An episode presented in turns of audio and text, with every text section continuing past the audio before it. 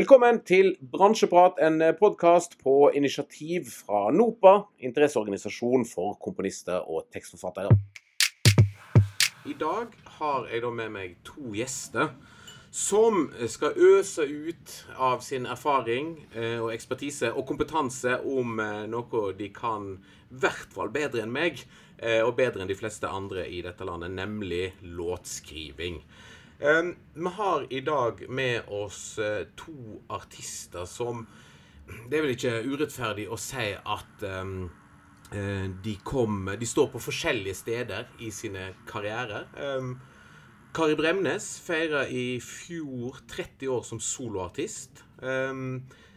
Debuterte med 'Mitt ville hjerte' i 1987 og gitt ut ei imponerende eh, rekke med nydelige album helt fram til fjorårets eh, 'Det vi har'. Eh, på veien så har det ført med seg tolv Spellemannnominasjoner, tror jeg.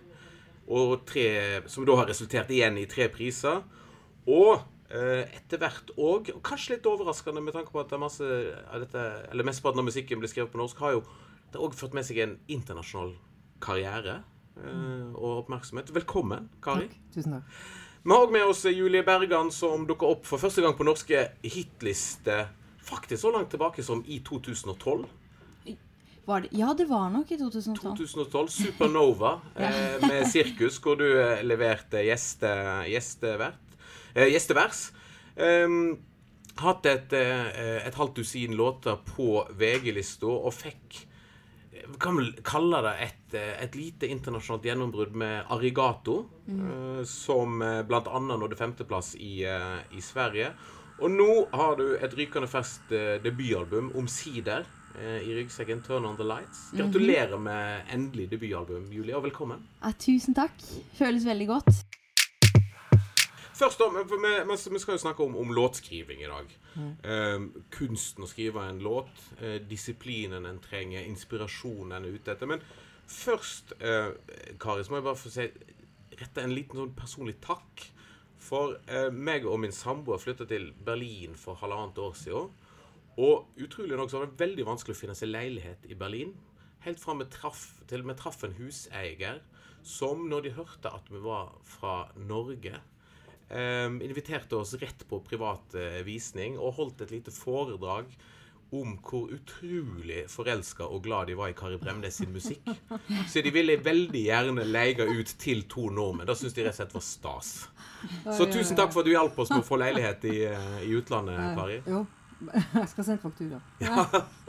Men det, det, jeg har alltid tenkt litt på For at um, da f.eks. at du um, har et publikum i utlandet, uh, og da i et land som, som, som Tyskland, um, med norskspråklig uh, musikk. Så når du setter deg ned og skriver låter, ser du for deg lytteren din? Tenker du på hvem som skal høre på, på musikken du, du skriver? Jeg tenker ikke spesielt sånn at jeg ser ett spesielt ansikt for meg, men jeg jeg tenker alltid at det er noen jeg skal uh, snakke til, på en måte. Jeg skal lage noe for det. Uh, det, kan være, liksom, det kan bare være sånn liksom diffust persongalleri fra de jeg gikk på barneskolen i lag med, til, til uh, folk jeg kjenner eller har truffet. Eller, jeg har en veldig sterk følelse av at jeg skal fortelle noen noe når jeg skriver sanger. Mm. Men når, når du da skriver en låt, når skjønner du at OK, nå har jeg historien jeg trenger? Nå har jeg fortellingen jeg trenger. Har du noe sånn, sånn øyeblikk der du, du, skjønner at låten fungerer? Ja, det har jeg. Og de øyeblikkene er egentlig ganske De, de er ganske sånn uh, tydelige, syns jeg. Fordi at uh, Altså, man kan lure. Uh, og det kan godt hende at det da holder allikevel, da, når du liksom mm. kommer tilbake etter en stund. da, men, men av og til så får du den følelsen av at ja, nå er jeg ferdig. Nå fant jeg akkurat det jeg leter etter, liksom. Um, det er sånne øyeblikk som er fantastisk. Men de fleste gangene så er det jo sånn at du må gå 1000 runder og, og nesten ikke være helt sikker på om du har funnet det. Um, du kommer allikevel til et punkt der du liksom tenker OK, nå er jeg kommet sånn at nå må jeg enten kaste det her, eller så må jeg eh, eller så må jeg liksom altså, ikke gi meg i det hele tatt. Og det um, ja, det, det, er litt uh, Jeg syns faktisk veldig mye av, av, det her med å skrive sanger handler om å, å um, få bukt med tvil. Altså at du, at du, at du driter i den tvilen. Da. For hvis, du, hvis du kommer deg forbi de der fasene med masse tvil uh, og motstand på det, så, så kan du liksom gå rett på det det handler om. Og da kan du liksom finne ut er det her noe, er det ikke noe. Men den der, den der tvilen, den der litt sånn prokrastineringa med å begynne, og orke å se at du lager noe dårlig Mm. uh, Du må orke det. Du må, du må rett og slett orke å lage ganske dårlige ting for, å, for at du skal Mm. ha et slags materiale. For du skal begynne et sted. Men hvordan er det med deg, eh, Julie? Hvor, hvor får du ideer til låter fra? Eh, altså, jeg, jeg tror jeg bare tar de fleste ideer fra ting jeg føler, ting jeg tenker på, mennesker jeg har møtt, mennesker som jeg bryr meg om, som kanskje forteller meg ting. Eh, altså generelt bare inntrykk og opplevelser som jeg har. da, Ting som får meg til å reagere på en eller annen måte. Mm. Og som får meg til å kanskje få lyst til å fortelle noen om det, eller eh, snakke om det, eller altså Jeg vet ikke. Det er jo bare kanskje noe man får ut på en annen måte eh, enn å faktisk ta samtalen, eller eh, altså om så det er med seg selv, da. Mm. Kanskje man, Noen ganger så kan jeg nesten skrive en låt for min egen del fordi jeg trenger å eh, nesten fortelle meg selv hva jeg burde gjøre i en situasjon, eller at det er normalt å reagere sånn. Eh, og så er det på en måte veldig fint det med når man forteller eh, følelser og tanker som man ofte kan føle seg veldig alene om, og, og så kanskje gir man ut den sangen, og så er det så mange som kan relatere seg til det, da. Mm. Så er det litt sånn måte å bare ikke føle seg så alene, på en eller annen måte. Hvordan, gjør dere det rent sånn praktisk? Altså Når en da får en idé til en låt, altså sitter dere med pianoet og spiller, eller går en på gata og synger inn i diktafon? Altså rent sånn Hvordan, hvordan gjennomfører en, eller hvordan tar en en låtidé videre? Tror jeg er veldig forskjellig. Altså sånn, det kan man gjøre på alle slags mulige måter. Innimellom sitter jeg kanskje og bare skriver tekstlinjer og ideer og tanker og opplevelser ned på mobilen. Andre ganger så kanskje synger jeg inn bare på te opptaker på telefon. Eller så sitter jeg kanskje i studio med noen og finner noen korder og på en måte nynner meg fram til en melodi og kommer på låta derifra. Mm. Um, eller så kan man også, for min del i hvert fall, altså noen ganger blir jeg tilsendt også instrumentaler nesten som vi kan skrive på. Mm. Det er litt sjeldent for min del, eller jeg føler ikke at jeg får skrevet så bra på den måten, men ja, for meg er det egentlig Mm. veldig mange forskjellige måter å starte en låt på. Hvordan er det med deg, eh, Kari? Setter du deg ned og tenker 'nå skal jeg skrive låt', eller kommer det sånn guddommelig inspirasjon? Nei, du, du må egentlig lete etter det. Altså, det kommer ikke på døra, eh, dessverre. Så, så det er sånn at uh, jeg samler jo ting. Altså, jeg samler ideer, har meg bok og noterer. Og, altså, når du liksom har litt uh, Har døra litt åpen, da, Uh, for de her tingene. For det er jo de samme tingene som også egentlig blir til sanger hos meg, som du snakker om, Julie, med, med inntrykk og folk du treffer, og opplevelser, og følelser. Um, og så er det noen ting kanskje som på en måte stikker innom på en spesiell måte, og som så jeg kan notere noen stikkord på. Og så vet jeg det at hvis jeg skal skrive en sang, så, det, så, så må jeg liksom sette, sette av et rom, og, og ha et rom og ha tid til det. Og det, det er ikke sånn at jeg kan gjøre det og så gå ut og spise lunsj og så komme til Altså det må være sånn. Jeg må ha god tid. Mm. Uh, og jeg må ha egentlig en periode når jeg skriver. Jeg har sånn perioder jeg skriver. Og da, men, det, men hos meg så starter det alltid med, med tekster. Fordi at eh, jeg har også noen låter, melodier, ting liggende. Men jeg har aldri klart å lage tekster til ting eh, etterpå. Jeg må ha teksten først. Det er den som definerer hele greia hos meg. Har det alltid vært sånn? Det har alltid vært sånn.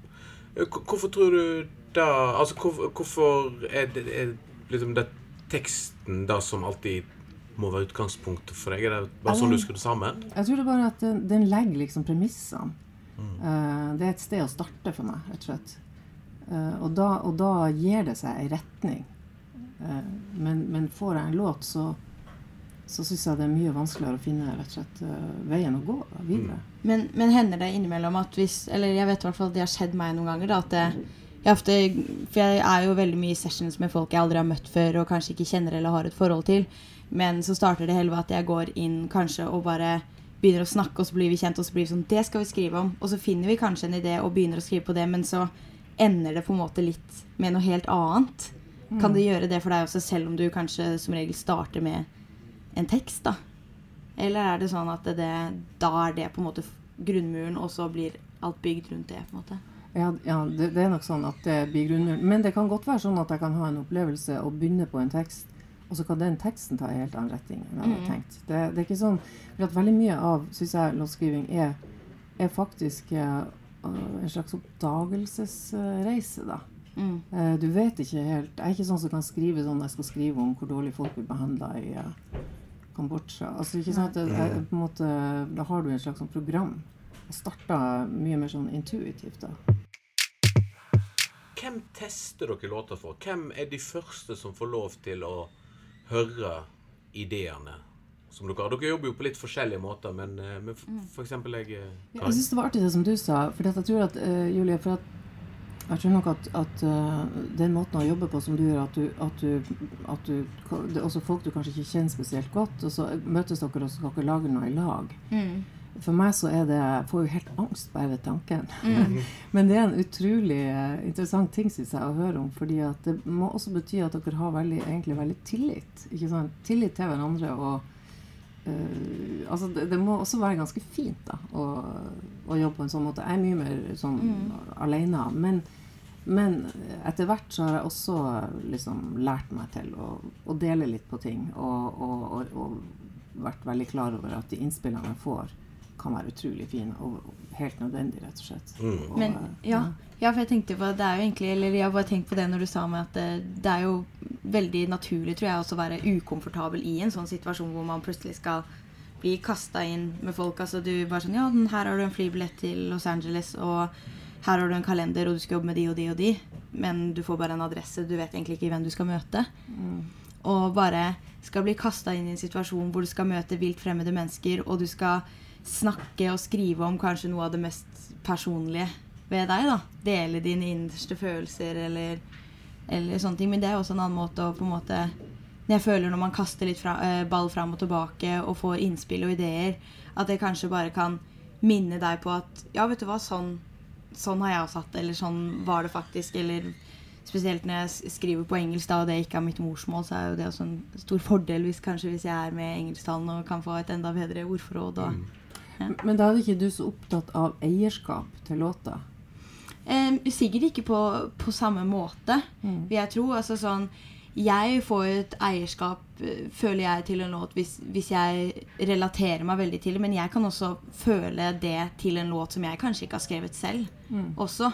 Eh, hvis, hvis det føles ekte for meg både når jeg hører på det, når jeg synger det, eller jeg merker det spesielt kanskje når jeg frem, fremfører det. da.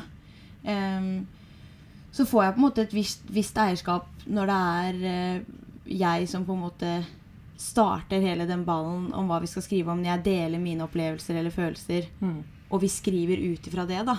Men det blir jo ikke like på en måte eget som at hvis du sitter for deg selv og kun skriver noe bare du, da. Da er det jo eierskap på en annen måte, vil jeg tro. Men, men fortell litt om den, akkurat den låtskriverprosessen der, eh, Julie. For um, det er jo for yngre Altså i, i den moderne popartister, så er jo det en helt vanlig måte å jobbe på. Å gå inn i et eh, Å jobbe med et låtskrivingsteam, et produksjonsteam. Og så du sier, komme inn i et rom med mennesker du kanskje aldri har, har truffet før. Hvordan, altså, hvordan er den situasjonen, og altså, hvordan forbereder du deg på en sånn låtskrive-produksjonssession? Ehm, altså Jeg bare husker helt fra starten, når jeg først liksom var, var ferdig på skolen, og så skulle jeg plutselig starte å jobbe med musikk på fulltid. Og um, hadde jo på en måte skrevet litt låter for meg selv og sånt opp igjennom i oppveksten, men jeg hadde jo aldri vært i en situasjon hvor jeg skulle gjøre det med andre, og da syntes jeg det var veldig skummelt, rett og slett, fordi jeg følte at det, at jeg kanskje ikke var bra nok, eller at kanskje ideene mine var dumme, eller at kanskje det var en dårlig melodi. Altså sånn, jeg satt kanskje litt for mye med den følelsen, og det stopper, det hemmer deg jo veldig kreativt.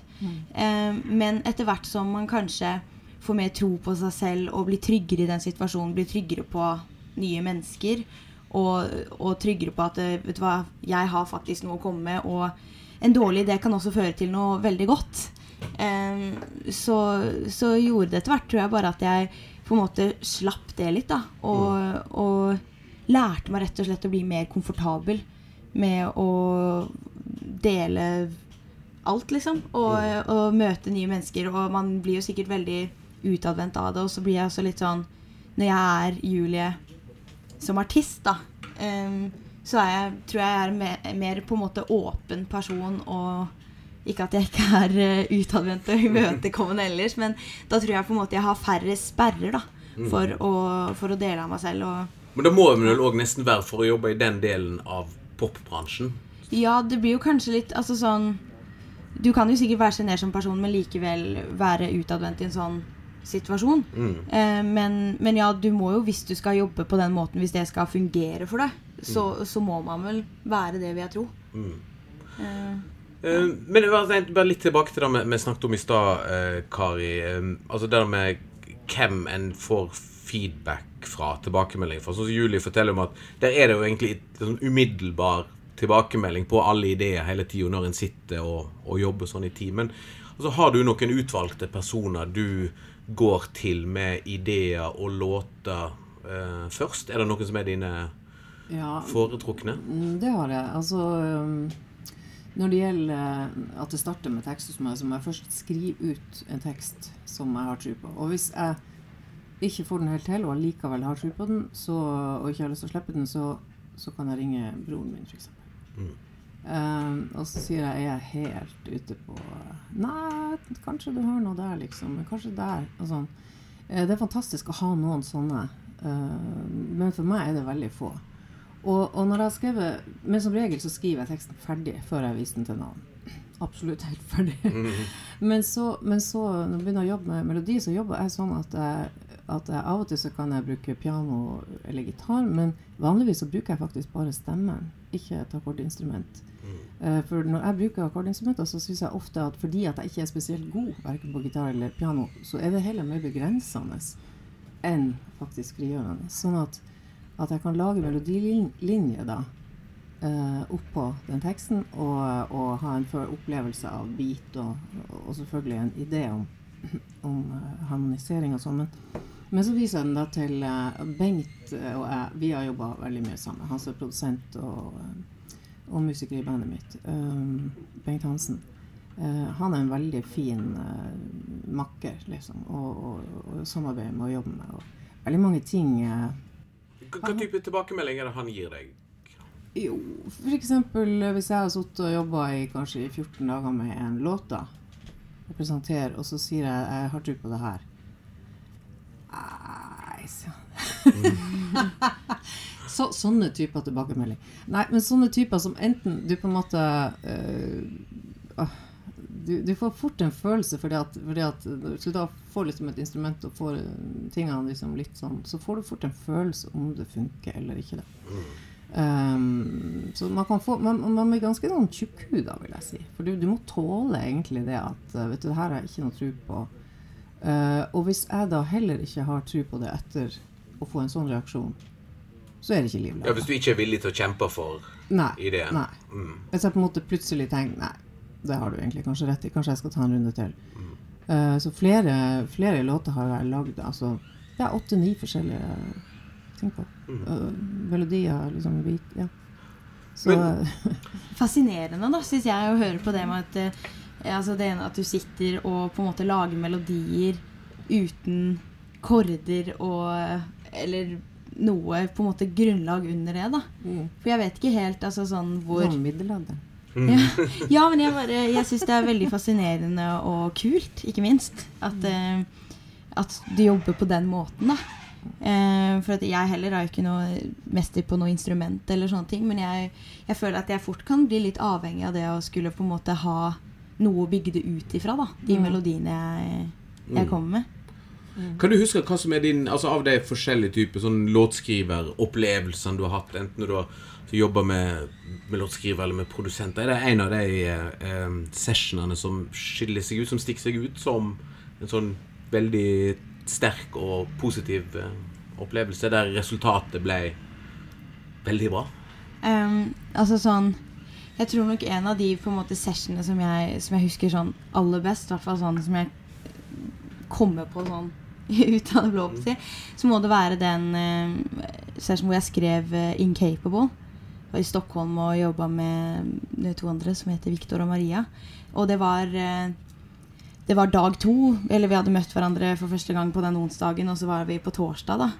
Eh, og da hadde jeg bare sittet på onsdag og fortalt litt historie om, eh, om, en, eh, om en gutt da, som, eh, som jeg hadde møtt tidligere. Og, og vi hadde på en måte litt sånn en idé, og vi hadde allerede en tittel klar, på en måte.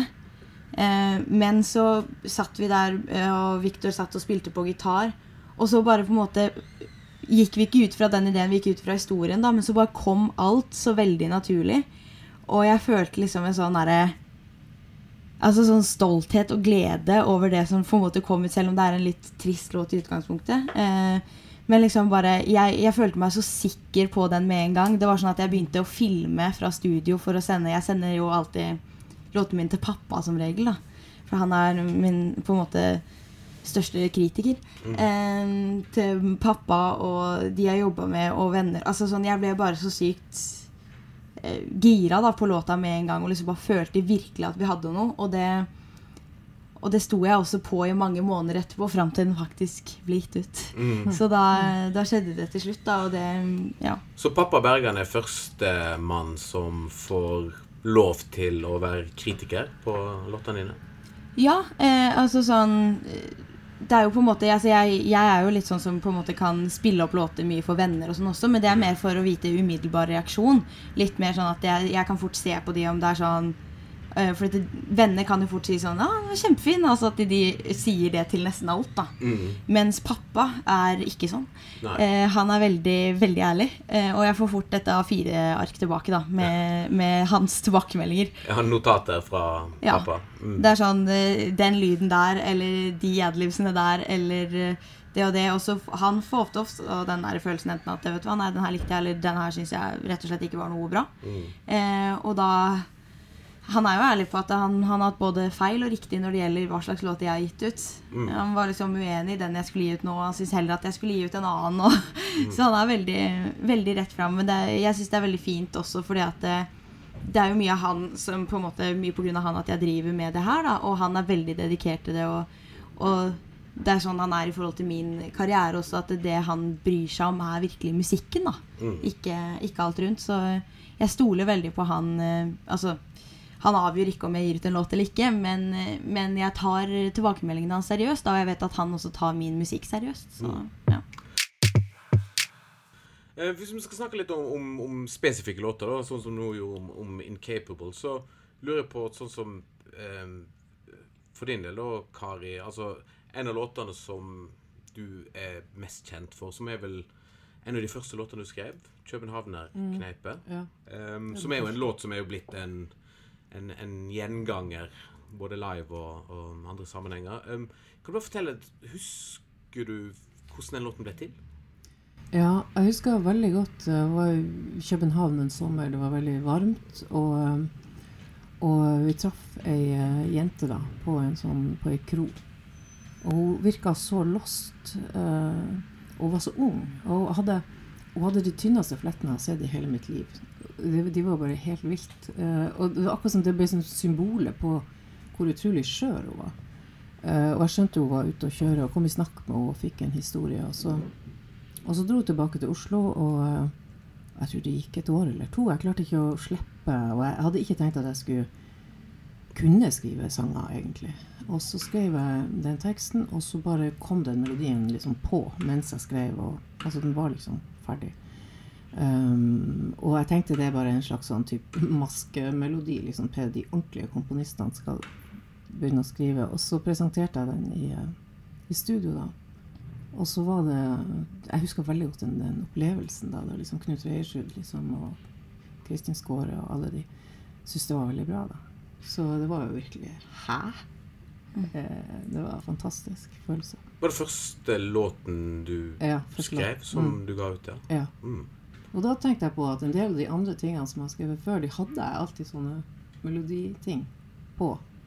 Men uh, merkelig. Du bare tenker at uh, det er ikke relevant. Uh, så du må ha litt Du må liksom opparbeide deg litt sånn sjøltillit og sånn tanken på at det er mulig, mm. rett og slett, å gjøre det. Og der har jeg jo hatt veldig bra folk også rundt meg, syns jeg, som har Sånn som i starten Erik Hillestad. og Folk som har liksom backa det. da. Det har mm. ganske mye å si. Hvor, hvor, viktig tror du det var for deg som låtskriver å kan si, så tidlig i din karriere som låtskriver rett og slett eh, skyte gullfuglen? Eh, altså skrive en så sterk låt så tidlig som altså ga den det, Har den gitt deg ekstra sjøltillit opp gjennom årene? Da du traff så tidlig? Ja, eh, absolutt. Det, det, ga meg, det, ga meg, en følelse av at, at det var noe verdi i mm. både måten jeg observerte på, og kunne fortelle om det på, da, musikalsk. Så, så det, det, gjorde jo at på en måte, jeg måtte ikke bli en annen eller prøve å være noe annet. Uh, og det, det, gjorde at jeg føler at jeg kunne bygge på, på den jeg faktisk er. Mm. Uh, jeg kan si noe om følelsen av å presentere en låt for første gang. Ja. Uansett hvor lenge du har holdt på, så er den følelsen like skummel hver gang. Og jeg mm. syns virkelig det. Å presentere det for, for musikere og, og sånn, det, det, er bare sånn uh, Jeg kjenner jeg blir liksom Jeg blir elleve år. Mm. og, men det er, jo, det er, jo, en sånn type spenning som er veldig god, da. Er jo, det er jo noe ordentlig. Ekte mm. spenning, vil jeg si. Er du litt redd før du spiller låter? Ja, ja, ja, ja, ja. absolutt.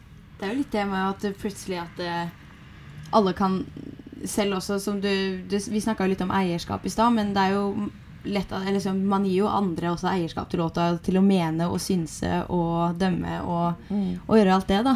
Og, i hvert fall da hvis det er noe veldig, veldig personlig. Mm. Så er det jo sånn Selvfølgelig, man setter seg jo i en posisjon hvor man lar folk gjøre det.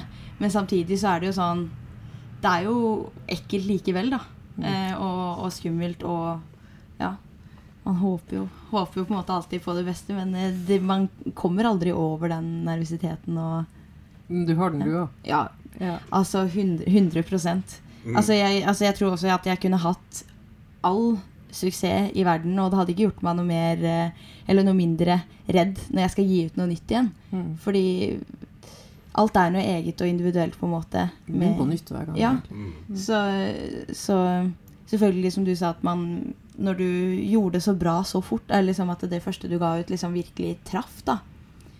Så gjør det jo at du fikk den friheten til å føle at du kunne være deg selv, og at eh, du gjorde noe riktig, da. Mm. Men samtidig så blir det jo også litt sånn sikkert litt sånn hva, for, hva forventer folk nå, da? Eh, ja, det gjelder man, å ikke tenke på det.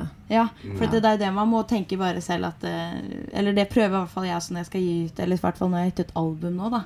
Så er det jo litt sånn Ikke helt en ting i min sjanger om dagen. Og, og mange som sikkert uh, tenker at jeg er mer en singelartist uh, eller en som bare skal komme med topp 50-låter, hva som helst. Men altså det å på en måte bare at jeg føler at det her er eh, noe som, som, jeg er stolt av. Jeg føler at jeg får fortalt noe, jeg føler at jeg får delt noe som er viktig for meg, og, noe som, og, mm. og flere forskjellige sider av meg. da At ikke man må alltid tenke at uh, man skal gjøre det alle andre forventer. Mm. Mm.